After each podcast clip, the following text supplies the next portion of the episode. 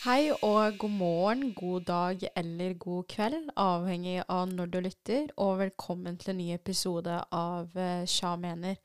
Dagens tema er islam, og vi har vært så heldige og fått lov til å få med oss eh, en gjest som heter Ugban. Dagens problemstilling er hvordan det har vært å vokse opp som muslim i Norge. Ugbad har vi jo kjent Uh, har vi alle tre kjent siden uh, videregående. Jeg har egentlig kjent henne siden uh, barneskolen. og mange har egentlig hele tida trodd at vi har vært en trekløver, men vi er egentlig en firkløver. Um, Ugbad har jo vært en veldig viktig del av gjengen, så det er veldig gøy å ha henne med i studio i dag. kan ikke du ta og introdusere deg først, Ugbad? Snakke litt om hva du studerer og hva du holder på med? Ja, hei alle sammen. Ehm, jeg heter Ugbad, som eh, jentene sa. Jeg er 24 år, er sosionom og går på masterstudiet sosiologi og sosialt arbeid. Ehm, jeg er også like samfunnsengasjert som alle andre jenter. Alle jentene her. Ja, for temaet i dag handler jo om det å vokse opp som muslim i Norge, og mm. det er jo ikke noe hemmelighet akkurat nå at du er muslim, liksom. Ja. Det burde være ut av mm. Burde vært noe som er sagt til allerede. Men jeg lurer på, når var det du kom til Norge? Um, hvis jeg ikke husker feil, så kom jeg i slutten av 2004, begynnelsen av 2005. Jeg, litt, jeg husker ikke konkret akkurat hvilket årstall, men uh, det var i den tid. Husker du hvor gammel du var? Eh, da tror jeg jeg var åtte-sju. Noe mellom der. Mellom åtte og syv? Ja. Ok. Da antar jeg at du starta i andre klasse da du starta på skolen. Hvordan var det for deg? Det var jo egentlig blanda følelser. Det var jo til et nytt land, eh, nye folk, nye ansikter. Folk jeg liksom aldri har sett før. Og så skulle jeg på en måte tilpasse meg til en ny kultur, nye språk, nye måter å være på. Uh, og bare kanskje det å komme til et nytt miljø og liksom komme fra et annet uh, land som har andre verdier og andre måter å liksom leve på, da. Det var liksom det første inntrykket, egentlig. Selv om jeg var barn mm. og ikke tenkte over slike temaer der og da. Eh, men ja, som sagt, det var et nytt inntrykk, da. Du sier at du ikke tenkte noe særlig over det her da du var barn, men kan du huske at du noen gang følte deg annerledes? Mm, ja, selvfølgelig. Eh, det første som var annerledes, var at jeg eh, bærer hijab. Så jeg gikk jo med hijab i, allerede i andre klasse. Og det andre som var fikk meg da til å føle meg annerledes, var at jeg var brun i huden, og det var veldig få i klassen som var. Eh, Sifa var det eneste, så det som skjedde var at jeg endte opp med å bli venn med Sifa, og jeg tror en av årsakene er at man søker til folk som folk man føler man har på en måte noe felles med, noe eh, Ja, man føler at man kan snakke om noe, selv om man egentlig ikke forstår vi ikke forsto hverandre i den tid. Jeg kunne ikke norsk i den tid. Så ja, Uh, så det, liksom, det, tror jeg var liksom det jeg, som fikk meg da, til å føle meg litt annerledes i begynnelsen. Men etter hvert så var det jo enda mer temaer som fikk meg til å føle meg annerledes. Å, det kan vi kanskje komme litt nærmere inn på seinere. Men uh, du sier jo at du starta med hijab allerede i andre klasse. Men når var det du starta å definere deg selv som en muslimsk jente? Uh, det tror jeg blir litt vanskelig å si, fordi jeg tror Altså når man er født i et muslimsk, uh, inni et muslimsk familie, så er man jo definert som muslim. Uh, da er man født som muslim. kanskje i Jeg vet ikke, jeg kan ikke så mye om det, men kanskje i kristendommen så er det sånn at du er definert som kristen når du blir konfirmert, men i islam så er det sånn at når du er muslim, så er du født muslim. Så ja, så da tror jeg av den grunn så har jeg alltid definert meg selv som muslim. OK. Um, du nevnte jo selv at du, at du, går med hijab, og um, den hijaben har det vært utrolig mye fokus på, både i eh, media og sikkert i privatlivet ditt også, regner jeg med. Men hva, hva tenker du om at folk har så mye fokus på det med hijaben? Altså, En ting er at man kan kanskje legge fokus på det fordi man har lyst til å liksom skape en debatt om det, og debatt om hvordan det er å gå med hijab. Kanskje altså den debatten om at man kan på en måte ha friheten til å gå med hijab eller ikke gå med hijab, eh, den syns jeg er en positiv debatt, fordi liksom den skaper en debatt som kanskje Altså det er jo veldig viktig å snakke ut som, om sånne temaer i samfunnet, eh, fordi kanskje det er noen som kanskje ikke føler at de velger faktisk hijab. Så det er veldig viktig at man på en måte lufter ut slike temaer, da, for at liksom andre kan kanskje komme inn i debatt og liksom føle at de er liksom en del av noe. da. At Istedenfor at det ikke blir anerkjent i det hele tatt, og ingen snakker om det, og folk legger det liksom under teppa, det syns jeg blir feil. Men en annen tema uh, er jo at folk på en måte lager debatt om det som det er noe som er farlig, noe som er liksom uh, farlig for samfunnet. Det syns jeg også, det er jo det som er liksom verdt det meste, egentlig, tror jeg, istedenfor å på en måte uh, forebygge det med likestilling og snakke om debatten når det gjelder hijab. så jeg syns akkurat det temaet om negativ Altså det, med, det som er negativt om hijab, har kommet i et større bilde, og det har på en måte overskygga det, de, det, debatten egentlig burde være, som er på en måte snakke om hijab på en måte som kan få alle til å føle seg likestilt, og alle til å på en måte kunne snakke om det da fritt. Det det gjør, syns jeg for det første, er at det får ikke noe så Når man liksom snakker ned om hijab som det er som alle jenter blir på en måte tvunget til å gå med hijab, det gjør jo at mange som faktisk blir tvunget til å gå med hijab, vil faktisk ikke tørre å snakke om det, fordi de vil ikke ha det negative bildet om seg selv og bildet om alle andre. Så det er liksom kanskje det, da. Uh, at man kanskje Mange følelser Mange blir jo diskriminert eh, pga. hijaben sin, kanskje ikke får jobb fordi de går med hijab, og, eller venner, for den sakens skyld. Så ja. Men du, du startet å gå med hijab i en ganske ung alder. Men hva er grunnen til at du valgte å starte å gå med hijab, hvis du valgte det, og hva er grunnen til at du fortsetter å gå med det? Hva representerer den hijaben for deg? Jeg er egentlig ikke Altså, jeg begynte jo å gå med hijab, som jeg sa, liksom siden andre klasse. Men kanskje i begynnelsen så var det kanskje ikke noe sånn der eh, valg om at OK, nå skal jeg gå med hijab, og jeg valgte dette her, liksom. Det var mer sånn kulturelt, tenkte jeg, da. At jeg, liksom jeg gikk med hijab fordi alle andre i min kultur gikk med hijab, og alle jentene jeg gikk koranskole med som så ut som meg, som var fra samme land som meg, gikk med hijab, så det var liksom en vanlig ting for meg. Men når jeg selvfølgelig kom på skolen, så var ikke det så vanlig allikevel. At det var liksom Da var det ingen som gikk med hijab. Jeg var den eneste i klassen som gikk med hijab. Så da var det det var liksom to forskjellige liksom, sider av å se på det. da. Og det som er kanskje vanskelige valg, det vanskelige valget da, som kommer etter hvert, er jo at skal jeg, hijab, skal jeg fortsette å gå med hijaben, selv om jeg vet at liksom alle andre i klassen på en måte ser litt rart på meg, på en måte har kanskje spørsmål de vil stille meg om det, liksom lurer på om jeg faktisk blir tvunget og, eller ikke tvunget. Og når man går Altså, det er jo barn, de vet jo ingenting om det.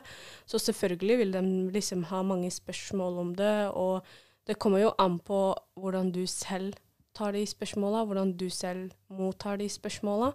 Um, så etter hvert, kanskje da jeg for å svare på spørsmålet ditt, da, uh, jeg, om jeg valgte selv å gå med hijaben og når jeg begynte med det, det tror jeg egentlig ikke var før ungdomsskolen, eller slutten av syvende klasse.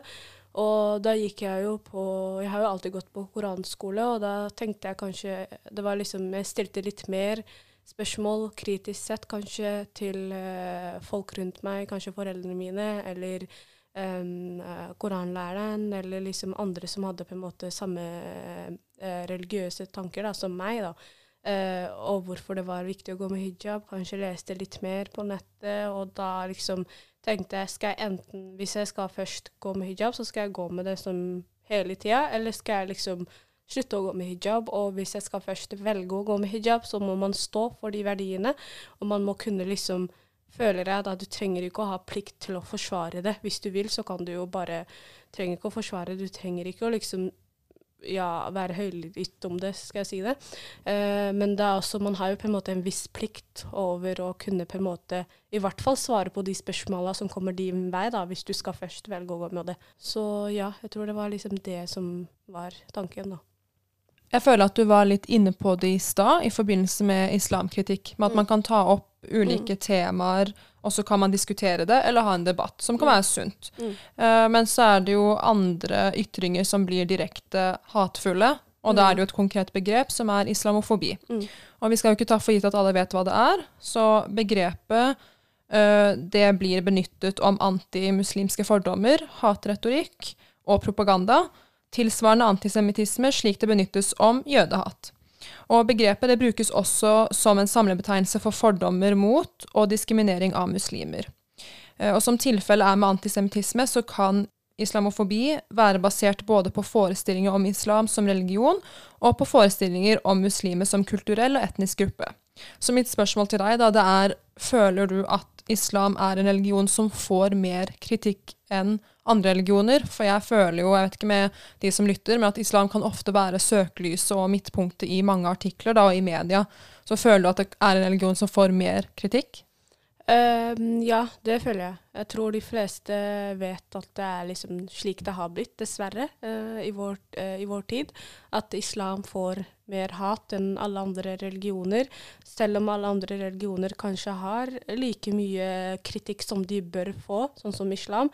Men det er sånn at uh, jeg føler når folk snakker om muslimer, så snakker de om som om liksom alle muslimer er like, da. Så, og har like verdier og har alle muslimer på en måte tilber islam på samme måte, og det er jo ikke sant.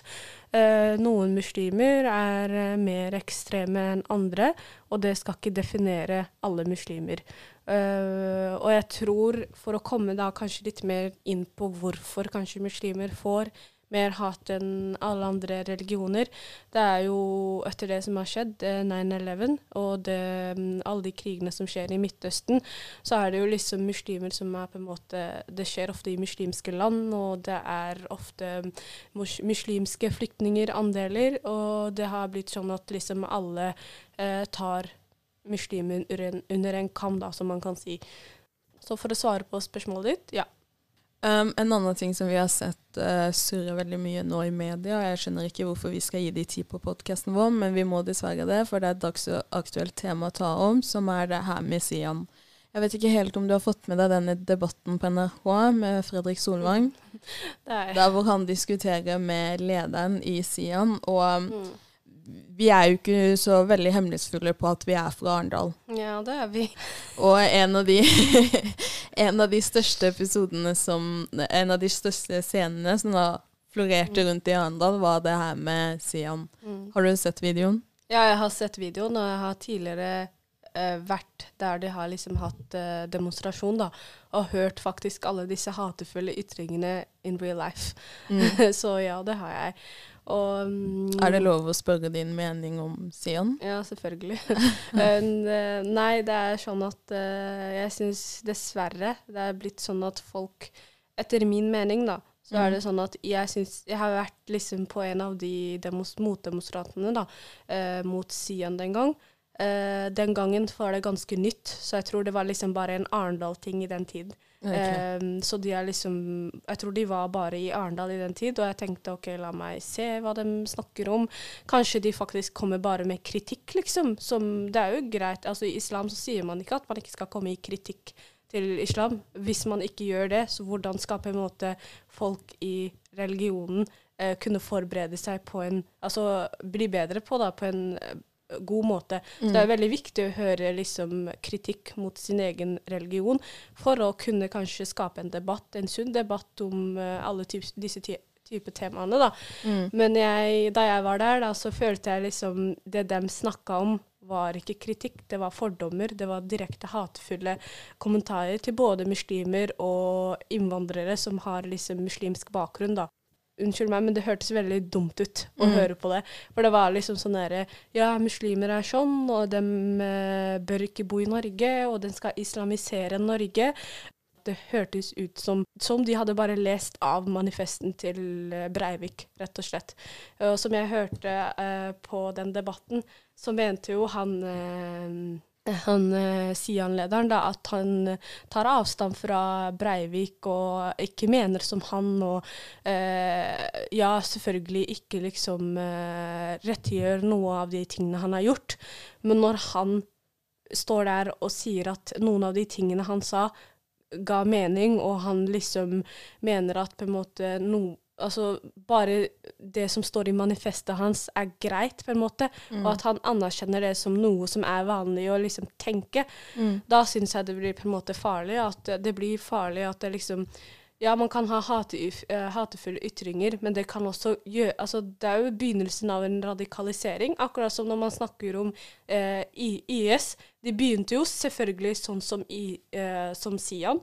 At de først begynte med liksom kvinneundertrykkende meninger. De kommer med at kanskje Vesten er en ond ting, og vestlige land på en måte prøver å ta altså, under, altså jeg vet ikke, få islam til å jeg vet, ja, jeg vet, ikke hva de kommer med, men de kommer med slike ekstreme eh, tanker. Og det, det, det har gjort, er at etter hvert så har, det blitt, eh, har de blitt enda mer radikalisert, og de har gått i det ekstreme at de faktisk har blitt voldelige og utøver vold eh, til den ekstrem. Og jeg syns liksom Ja, du kan stå der som en leder og liksom si alle de tingene, men tenk som på alle de yngre som eh, på en måte mener som deg, der, som er på din eh, Som er på Altså som er Sian-medlemmer, da. Mm. Tenk liksom Hva kan det føre til? Du vet jo ikke hver, altså, hvordan Eh, hver eneste individ i Sian ut, altså er på. Mm. Det kan være at noen som er på en måte i den grad at de faktisk kan utøve vold mot mm. muslimer, eller hva enn det kan være. da. Så jeg syns slike meninger er veldig farlige. Og mm. jeg syns det er, er, veldig viktig med ytringsfrihet, men jeg syns når man hater så mye på en religion og så mye på en, uh, på en Altså på innvandrere, da, så syns jeg at det er Ikke for å liksom gjenta meg selv igjen, men mm. det er mm. veldig veldig farlig, og det kan føre til radikale hendelser. Ja, for det er jo det her med ytringsfrihet de har blitt på en måte mm. forsvart med. At mm. de bare ytrer sin mening. Mm. Og ja, jeg skal ikke si min ja. mening om det, men, men eh, For å kommentere på hva jeg liksom hadde gjort da i den situasjonen, var at etter å liksom ha hørt det de sier og sånt, jeg selv, min personlige mening, jeg, aldri, jeg kommer aldri til å møte opp i slik motdemonstrant. Og jeg syns det er unødvendig, og det er unødvendig å gi dem noe som helst oppmerksomhet. Mm. Uh, selvfølgelig, de er jo veldig få, det er ikke veldig mange, men uh, selvfølgelig, de kommer til å bli enda mer. Uh, men akkurat nå så syns jeg liksom det blir det jo, De har jo fått den oppmerksomheten som de ønsket. Nå er jo de på NRK. Mm, mm. De er jo kjendiser, dem også. så ja. Og det er nesten Jeg må nesten punktere det som sier seg i en annen episode, det her med at man kan møte hat med et annet blikk. liksom, at det, Du mm. trenger ikke utøve vold for noe du ikke liker. altså, mm. De provoserer, og de ønsker å ytre sine meninger, ja. for de vet hva slags rettigheter mm. de har her i Norge. Og ja. da må bare vi som enkeltindivider gå inn i oss selv og tenke på hvordan man skal møte sånne mm. mennesker som det. For hvis du gir dem oppmerksomhet, som dessverre vi gjør igjen i denne podkasten, så vinner de litt, uh, litt å si, litt på sin side, men samtidig som at man må være opplyst på hva som skjer i dagens samfunn, og passe på hva man sier, ser mm. og hører. Det driver jo og brenner eh, Koranen og alt det der, og det får jo folk til å bli sint. Og det får jo f.eks. bl.a. som vi så på media, bli, få muslimske ungdommer, da, som de sier, til å bli sinte og sure og gå over gjerdet og på en måte kanskje gå i angrep mot dem. Det er jo det de ønsker, mm. og det har de fått, og det har de fått på mediene. Mm. Og det er liksom, nå har de gjort sitt, på en måte. Uh, så det er liksom det er liksom derfor det er liksom unød, veldig unødvendig å møte opp på disse demonstrantene, syns jeg, da. Ja. Mm. mm. Nå hopper vi videre til et helt annet tema, og det er negativ sosial kontroll. Vi har jo hatt uh, en egen episode om akkurat det, og hvis jeg husker riktig, så var et av spørsmålene om, om det er noe sammenheng mellom religion og negativ sosial kontroll. Og Derfor lurer vi på hva du tenker om det. Tenker du at man kan bruke religion til å utøve, til å utøve negativ sosial kontroll? Um, ja, for å svare egentlig konkret på det, er at uh, ja, uh, etter min mening så kan religion bli brukt til å liksom kontrollere andre mennesker.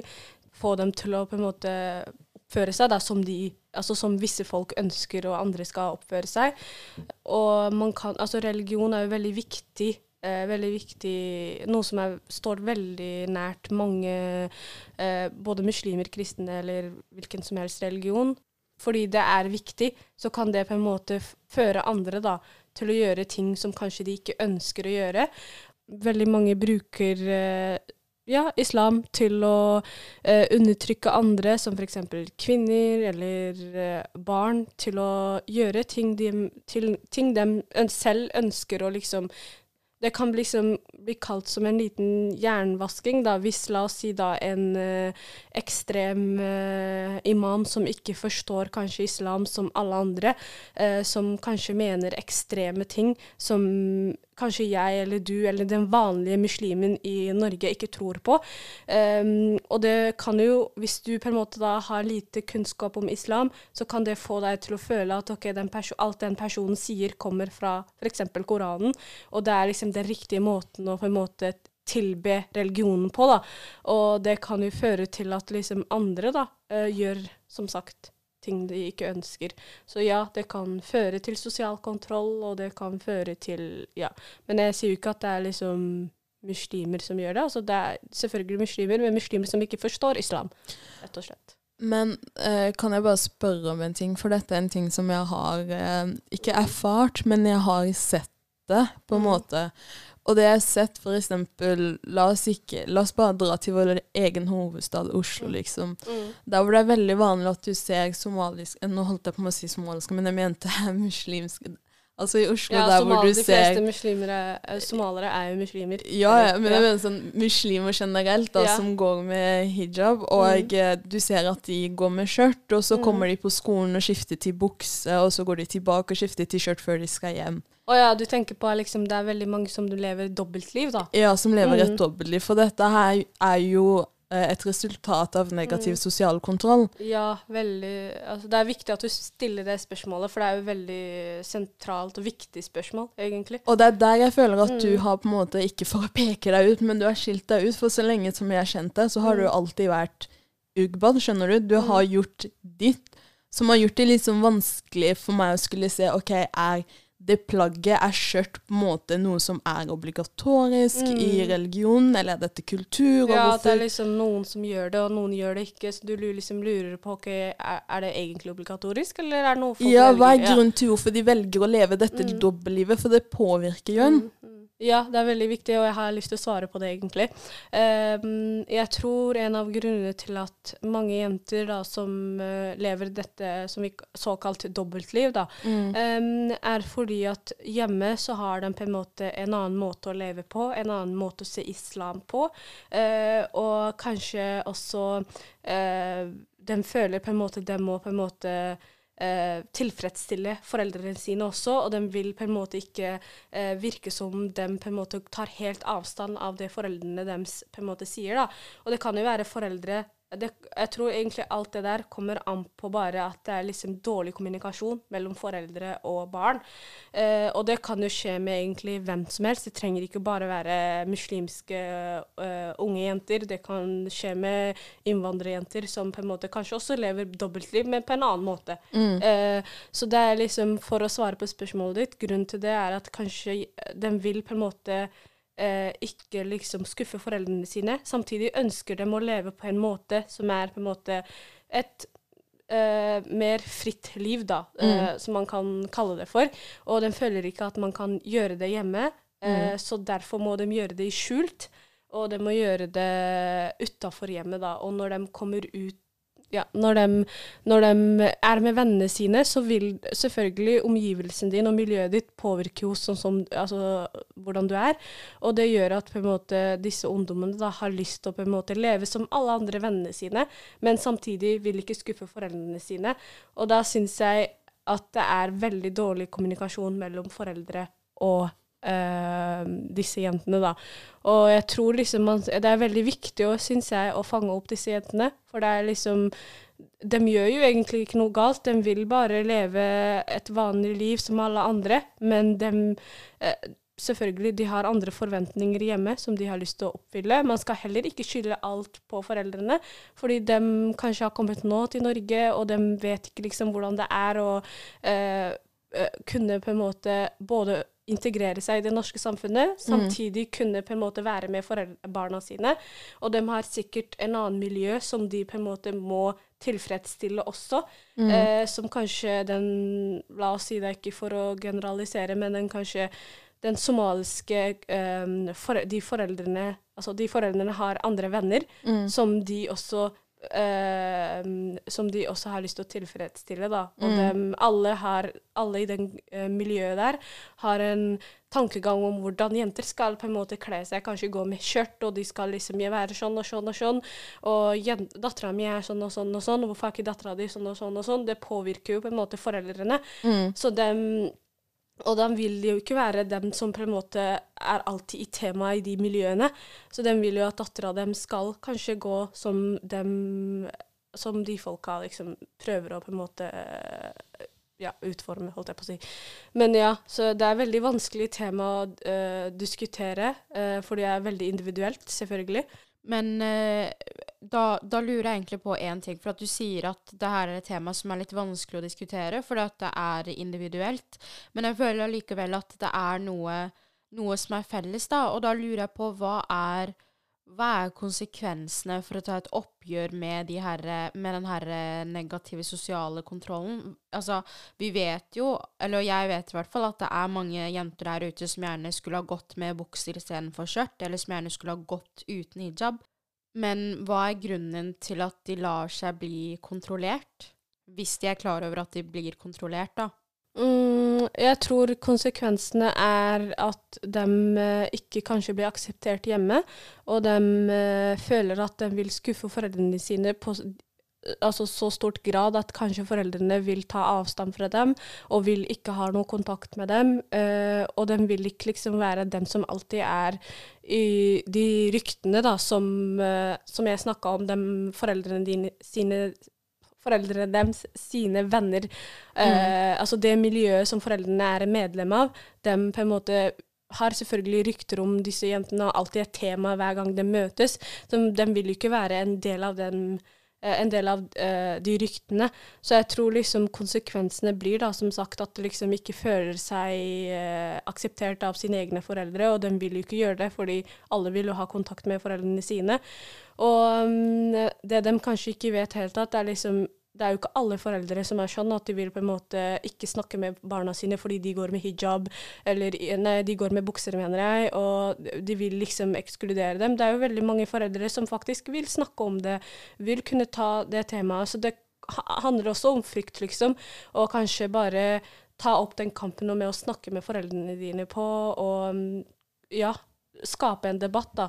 Men det er jo ikke lett å si å bare ja, skape en debatt, liksom. Det er jo mye vanskeligere enn det det høres ut som. Ja, for si fra Hun snakka om det her med at uh, du ikke går med bukse eller med hijab, og nå snakker du ganske mye om et eksempel om å ikke gå med bukse, men det er jo er det ikke større konsekvenser hvis du velger å ta av deg en eh, hijab enn det det er å gå med Jo, bukse? selvfølgelig. Eh, du blir jo sett annerledes på, sikkert, og du eh, blir ikke akseptert selvfølgelig i det miljøet som du tidligere var medlem av. Kanskje du blir sett annerledes på. Folk tror sikkert at du har på en måte skifta verdiene dine og måten å tenke på, men det er jo ikke nødvendigvis sant. Bare fordi du har tatt av hijaben, betyr det ikke at du tenker plutselig annerledes og du ikke mener de samme tingene. Det kan bare være at du ikke føler å gå med hijab der og da, og du ikke har eh, Altså du ikke liksom mener at eh, du har liksom noe ut Altså noe utbytte av det i det hele tatt. Mm. Eh, En god muslim kan være en god muslim ja, uten du trenger ikke å gå med hijab. Altså, du kan ikke gå med hijab og være 100 ganger bedre med en som går med hijab. Så det har ikke noe å si, på en måte. Men det er selvfølgelig folk eh, Det er jo ikke alle som forstår den tankegangen. Mm. Det å ta av seg hijaben er for liksom Du får samme konsekvens av å begynne å gå med hijab. La oss si det er noen som har lyst til å gå med hijab, f.eks., og begynne å gå med hijab. Mm. Den får jo en viss uh, på en måte, Folk ser jo rart på dem og føler OK, hvorfor skal du gå med hijab, har du blitt tvunget? Og alle de tingene. Så den får jo en type konsekvens fra samfunnet. Så det er liksom akkurat de samme uh, konsekvensene som uh, jenter som tar av seg hijabene. Så det er liksom to Ja. måter å se det på, da. For jeg husker i løpet av jentekveldene våre, så har du hatt en historie der hvor du fortalte om en uh, jente du traff på som hadde lyst til å konvertere over til uh, Mm, å bli muslim. mm. Uh, kan du fortelle litt om hvordan det møtet var? Ja, det var i um, en av mine tidligere jobber. Eh, det var en av ungdommene som eh, var der. Hun var 16 år, og hun hadde ønsket å konvertere til islam. Foreldrene hennes har en annen religion, så hun ville konvertere til islam fordi hun har veldig mange muslimske venner.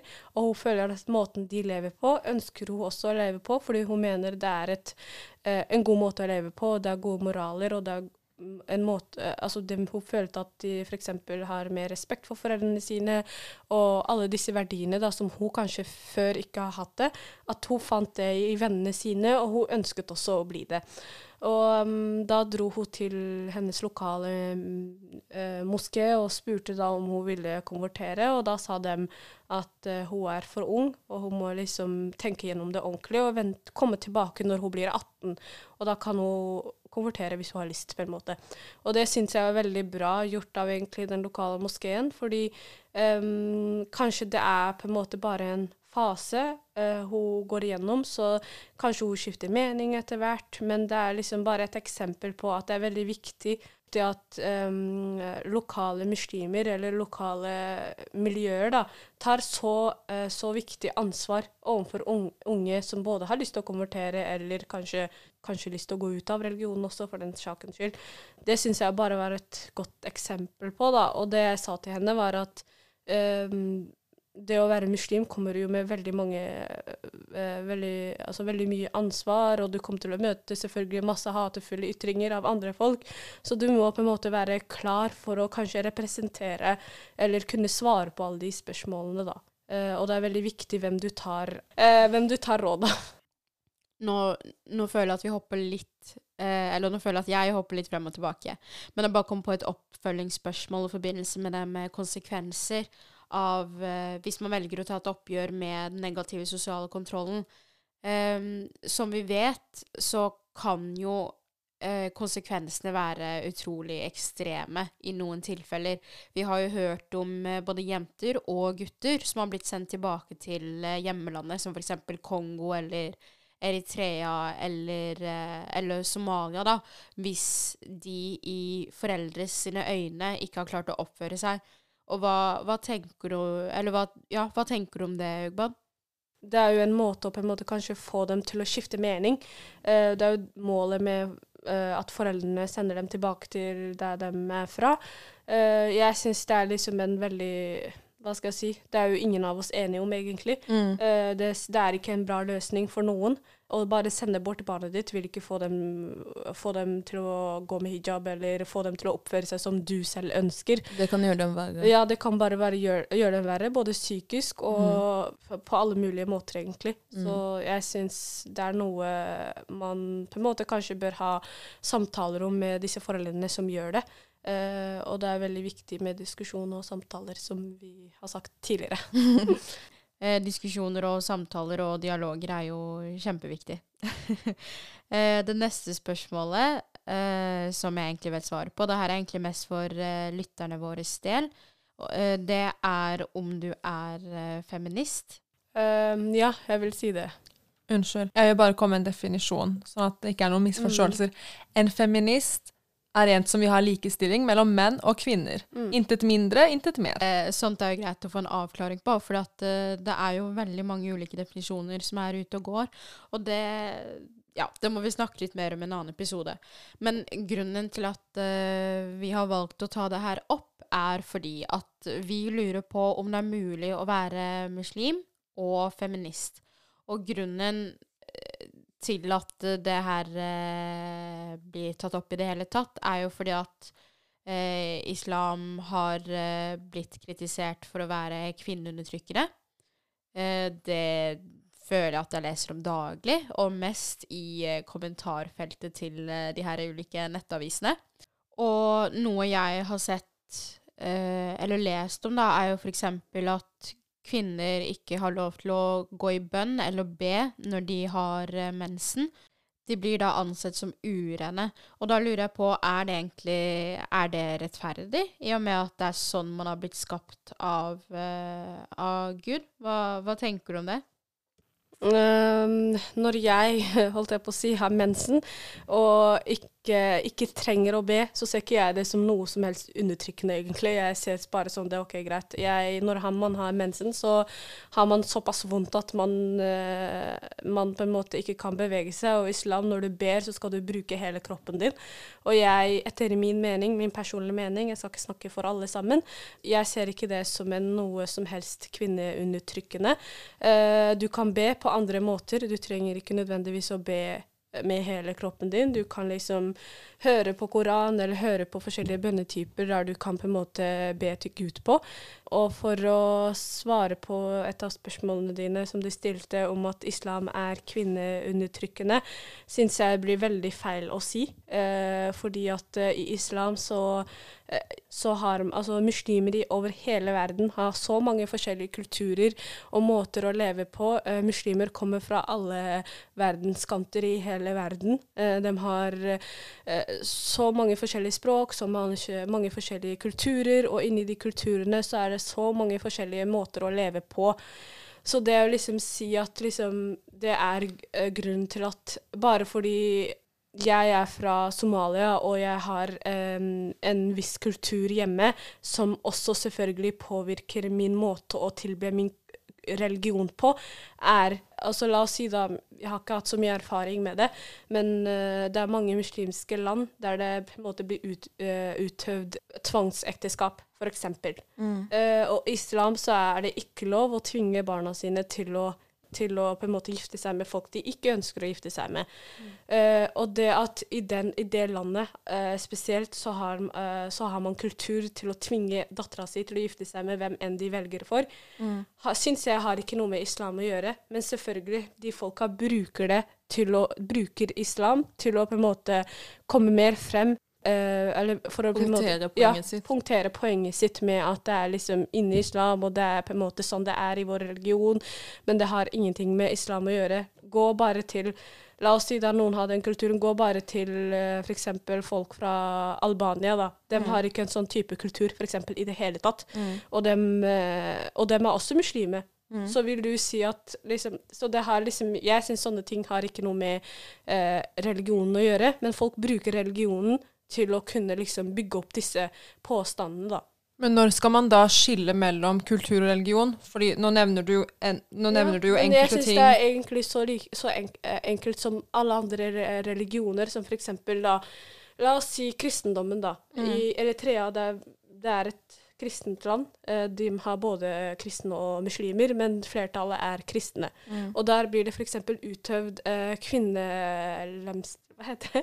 Eller sånn omskjæring av ja, kvinner? Omskjæ ja, omskjæring av uh, kvinner. Mm. Eh, har, det har selvfølgelig ingenting med kristendommen å gjøre, mm. men i det landet så har de kultur til å utøve omskjæring overfor jenter, ikke sant? Mm. Og det er ingen som tar hele kristendommen og sier at liksom i kristendommen så er det sånn at uh, jenter blir omskjært og alt det der, ikke sant. Mm. Så er liksom, det er liksom akkurat som man skiller alle andre religioner fra de forskjellige kulturene, syns jeg det bør være like mye rettferdighet for muslimer også.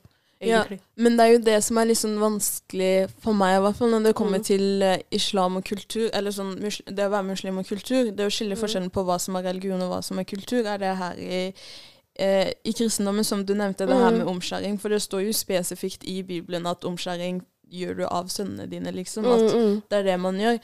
Mens i islam så er det sånn man sliter litt å få en definisjon på ok, dette her er religion, og dette her er kultur, fordi alle blander, og alle mm. står alltid på sitt. Ja, Men da syns jeg liksom kanskje folk ikke så har så mye kunnskap om islam som de har om kristendommen, da kanskje. Og kanskje mm. de har mer kunnskap om Bibelen enn det de har om Koranen, f.eks. Mm. Tenker du da at det som på en måte er religion, det er det som står forankret i troskriften? Ja, det vil jeg si. Okay. Og da, hvis du kommer argumenter som kommer fra troskriften, og du sier at men her står det sånn, og du liksom på en måte praktiserer på en, en annen måte, mm. da syns jeg liksom det er en mer rettferdig måte å komme med på, da. Ok, ja. Mm. Da det går på religionen. Ja. Mm. mm. Men uh, hvem er det man da skal henvende seg til hvis man har kritiske spørsmål til skriftene? Og ja, skriftene, da syns jeg du bør gå til en person som er islamekspert. Ofte imamer som kan mye mer om islam enn det jeg kan om islam. Men det er jo dette her, bare for å ha en uh, motargument til det du sier der eh, Nå kommer jeg til å ta det fra det kristne perspektivet, som er at Eh, en av debattene som man har sett i kristendommen og i det siste, har vært det her med om homofile skal få lov til å mm. gifte seg i kirken. Og hvis du går til mange ulike prester, så er det noen som godkjenner det, og mm. andre som ikke godkjenner det. Ja. Og jeg føler at det vil være det samme innenfor islam. Ja. liksom. Altså, mm. Du vil ha imamer som godkjenner det, og andre som ikke godkjenner. Ja. Så hvordan skal man vite at den imamen jeg går til, sier det riktig? For det finnes jo så mange mm. falske frukt, da kaller vi det i kristendommen. Altså, mm. det finnes så mange falske frukt der ute at du, ja. Hvordan skal du skille på hva som er god frukt, og hva som er dårlig? Ja. Det jeg selv hadde gjort, er at jeg hadde liksom dratt til mann som har like verdier og, eh, like moraler og verdier og etikker som meg. Uh, så jeg tror det kommer an på fra individ til individ. Altså hva er det du står for, på en måte, og hva er det du syns er riktig. Det er jo veldig viktig å liksom se det som er på en måte menneskelig, at den imamen du går til, har en viss kunnskap om menneskerettigheter, har viss kunnskap om at du bør kunne være deg selv i en veldig liberalistisk og sekulær samfunn som vi lever i. Så det er veldig viktig at du går til en i, hvis vi tenker på i Norge, da, mm. så syns jeg det er veldig viktig også å gå til en imam som har veldig mye kunnskap om det å være innvandrer i Norge, og det å leve i, som muslim i Norge, og mm. Har liksom eh, er litt mer Altså kanskje er mer integrert i det norske samfunnet, for at du skal få en god og uh, Ja, en, eh, en god Altså gode svar, da, som du selv ville følt er riktig. Har du noensinne vært i situasjoner hvor du føler at du er blitt dømt pga. din tro? jeg kan ikke komme med noen konkrete eh, svar til det, men jeg vil jo si at liksom Altså, det var en gang da jeg var på et jobbintervju. Eh, jeg kan bare si hvilken by det var. Det var i Sarpsborg. Eh, ikke det at det har noe med Sarpsborg å gjøre, men uansett, jeg vil bare si hvor det var. da, At det var liksom ikke i Arendal akkurat, men ja.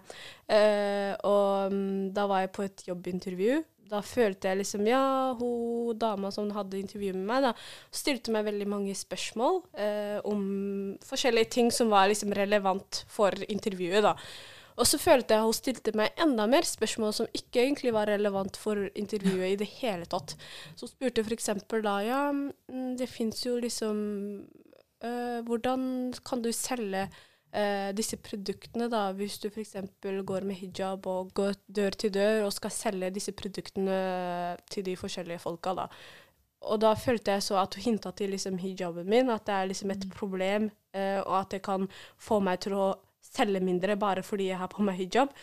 Jeg kan jo forstå at hun tenkte kanskje jeg kom til å møte på noe islamofobi som hun kanskje tenkte på, at folk kom til å se rart på meg og alt det der. Men uh, at hun på en måte stilte spørsmål i den grad at hun følte at OK, nå får du ikke noe salg fordi du har på deg hijab. Det syns jeg ble et problem, på en måte. At det er liksom Hvorfor skal du liksom se det på den måten? Bør ikke du se det på en mer positiv måte? At det er liksom veldig viktig å kunne inkludere alle typer folk i din arbeidsplass, liksom. Så det syns jeg liksom var veldig spesielt, da. At jeg liksom OK, hun fokuserte bare på min hijab. og så snakka hun videre om hvordan uh, hudfargen min også kunne være et problem når jeg skulle selge ting. Så jeg følte liksom bare hel attack mot hele wow. uh, eksistenten min, holdt jeg på å si. Så um, ja, det var liksom da jeg følte litt mer tydelig, på en måte. Ja. Mm. Eh, tidligere så ble det nevnt at folk kan altfor lite, eller lite, om islam. Har du noen eh, eksempler på eh, noen situasjoner du har vært i hvor du måtte eh, educate folk om islam, eller gi dem en leksjon om hvordan det er å være muslim? Um, ja, uh, det var jo den gangen jeg og Nema gikk på videregående skole, og da hadde vi eh, religion som et fag. Du må vel si at vi alle gikk på videregående skole, men vi gikk i samme klasse? Ja, vi, ja. Ja, vi gikk i samme klasse, for å være litt mer uh, spesifikk. Ja. Uh, og uh, det var sånn at jeg og Nema da satt rett altså foran i klassen. Og det var noen lærerstudenter, da, eller lektorstudenter, som var der og skulle undervise i religiontimen. Og da skulle de undervise om islam. Og det var sånn at hver gang de sa et eller annet, så måtte de ha bekreftelse fra meg. Uh, er det sant, Dugbad? Det stemmer, ikke sant? Og jeg følte meg sånn skikkelig at jeg liksom Jeg var jo selvfølgelig den eneste muslimen i klassen. Uh, men tenk om jeg ikke var komfortabel nok til å snakke om islam hele tida, og ikke ville at alle skulle liksom ha oppmerksomheten på meg, på en måte. Det er jo dem som skal utdanne seg til lærere, ikke sant. Det er jo dem som bør uh, kunne liksom mer enn meg. Så jeg følte at de hadde veldig lite kunnskap om islam, og at de måtte gå i den grad at de måtte uh, få bekreftelse av en av elevene, da. Uh, det var den gangen jeg følte det var liksom veldig mye tydelig. Og når folk generelt snakker om islam uh, og stiller visse spørsmål om ja, er ikke det islam der de tvinger jenter til å uh, gifte seg med fetterne sine, f.eks. det er liksom sånne spørsmål jeg kan få måte, med, av noen tidligere kollegaer, eller ja, hva enn det kan være. Ja. Så det er liksom, Da føler du ok, disse folka har egentlig ikke noe kunnskap om islam. Ok, Hva er det de lærer egentlig barna sine om islam, da? Ikke det, sant? Det, det, er jo farlig. det som var jo skummelt i din situasjon, var at dette her var jo studenter som hadde læreprøvetime, holdt jeg nesten på med å si, der hvor de skulle teste det her ut og stå foran Altså ja. praksis, da, kan man si det sånn. Og det at de kikka bort og skulle få en bekreftelse For, for å være ærlig, jeg satt jo ved siden av denne jenta, og det var kleine øyeblikket, liksom. Der hvor de kikker bort og bare venter på at Ugbad skal nikke eller adde noe mer til setningene, liksom. Og jeg husker en annen ting ved det, er jo Tenk hvis ikke Ugbad hadde vært der. Hva hadde de sagt, og hva hadde de gjort, liksom? De hadde jo preka og undervist slik de forstår islam, da. Det er ja. jo sånn feilinformasjon kommer ut. Ja, helt sånn.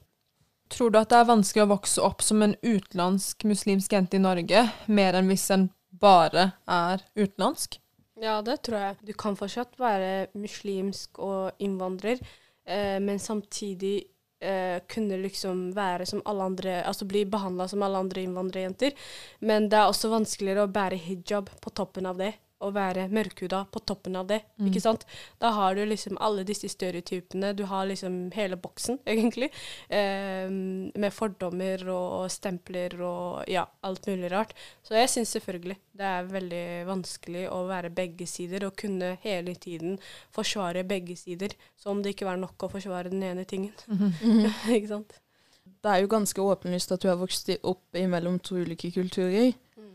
Og det jeg bare kan tenke meg hadde vært greit for unge jenter der ute som hører på denne podkasten, og som er muslimer, uh, det er det her med hva slags råd ville du ha gitt til det å vokse opp med to ulike kulturer i dagens samfunn, rett og slett?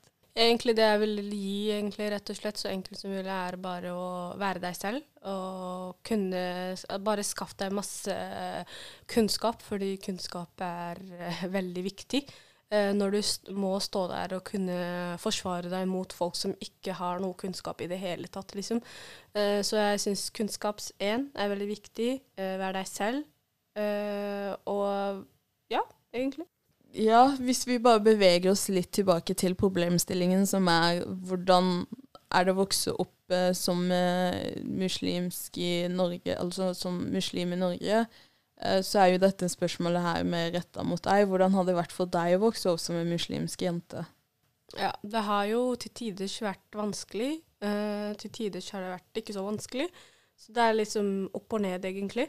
Uh, nå som jeg har blitt eldre, så er det mindre uh, vanskelig, syns jeg. Det er liksom Nå er det sånn at jeg vet hvem jeg er, og liksom jeg kjenner meg selv veldig godt. Og jeg har kommet til en konklusjon om at liksom hvis folk stiller meg spørsmål om islam, så kan jeg svare for meg, sånn som jeg selv ser islam på.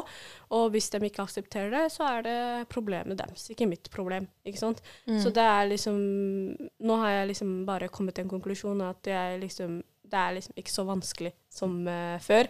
Men kanskje da jeg var litt yngre, så var det mye vanskeligere. For jeg hadde kanskje ikke like mye kunnskap, og jeg lurte på alltid hvorfor skal de stille meg mer spørsmål enn det de gjør mot alle andre vennene mine, ikke sant. Mm. Så det var litt sånn Ja. Så kanskje vanskeligere før enn det er nå.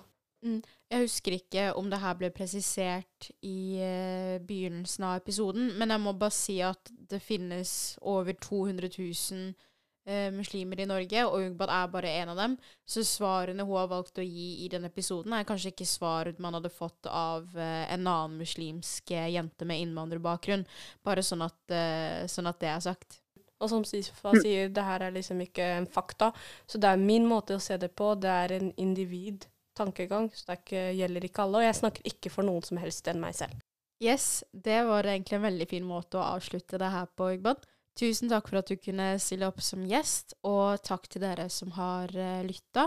Følg oss gjerne på Instagram-kontoen vår sjamener.pod, og send oss gjerne et spørsmål eller to, eller forslag til tema som du har lyst til at uh, vi skal ta opp. Takk for nå.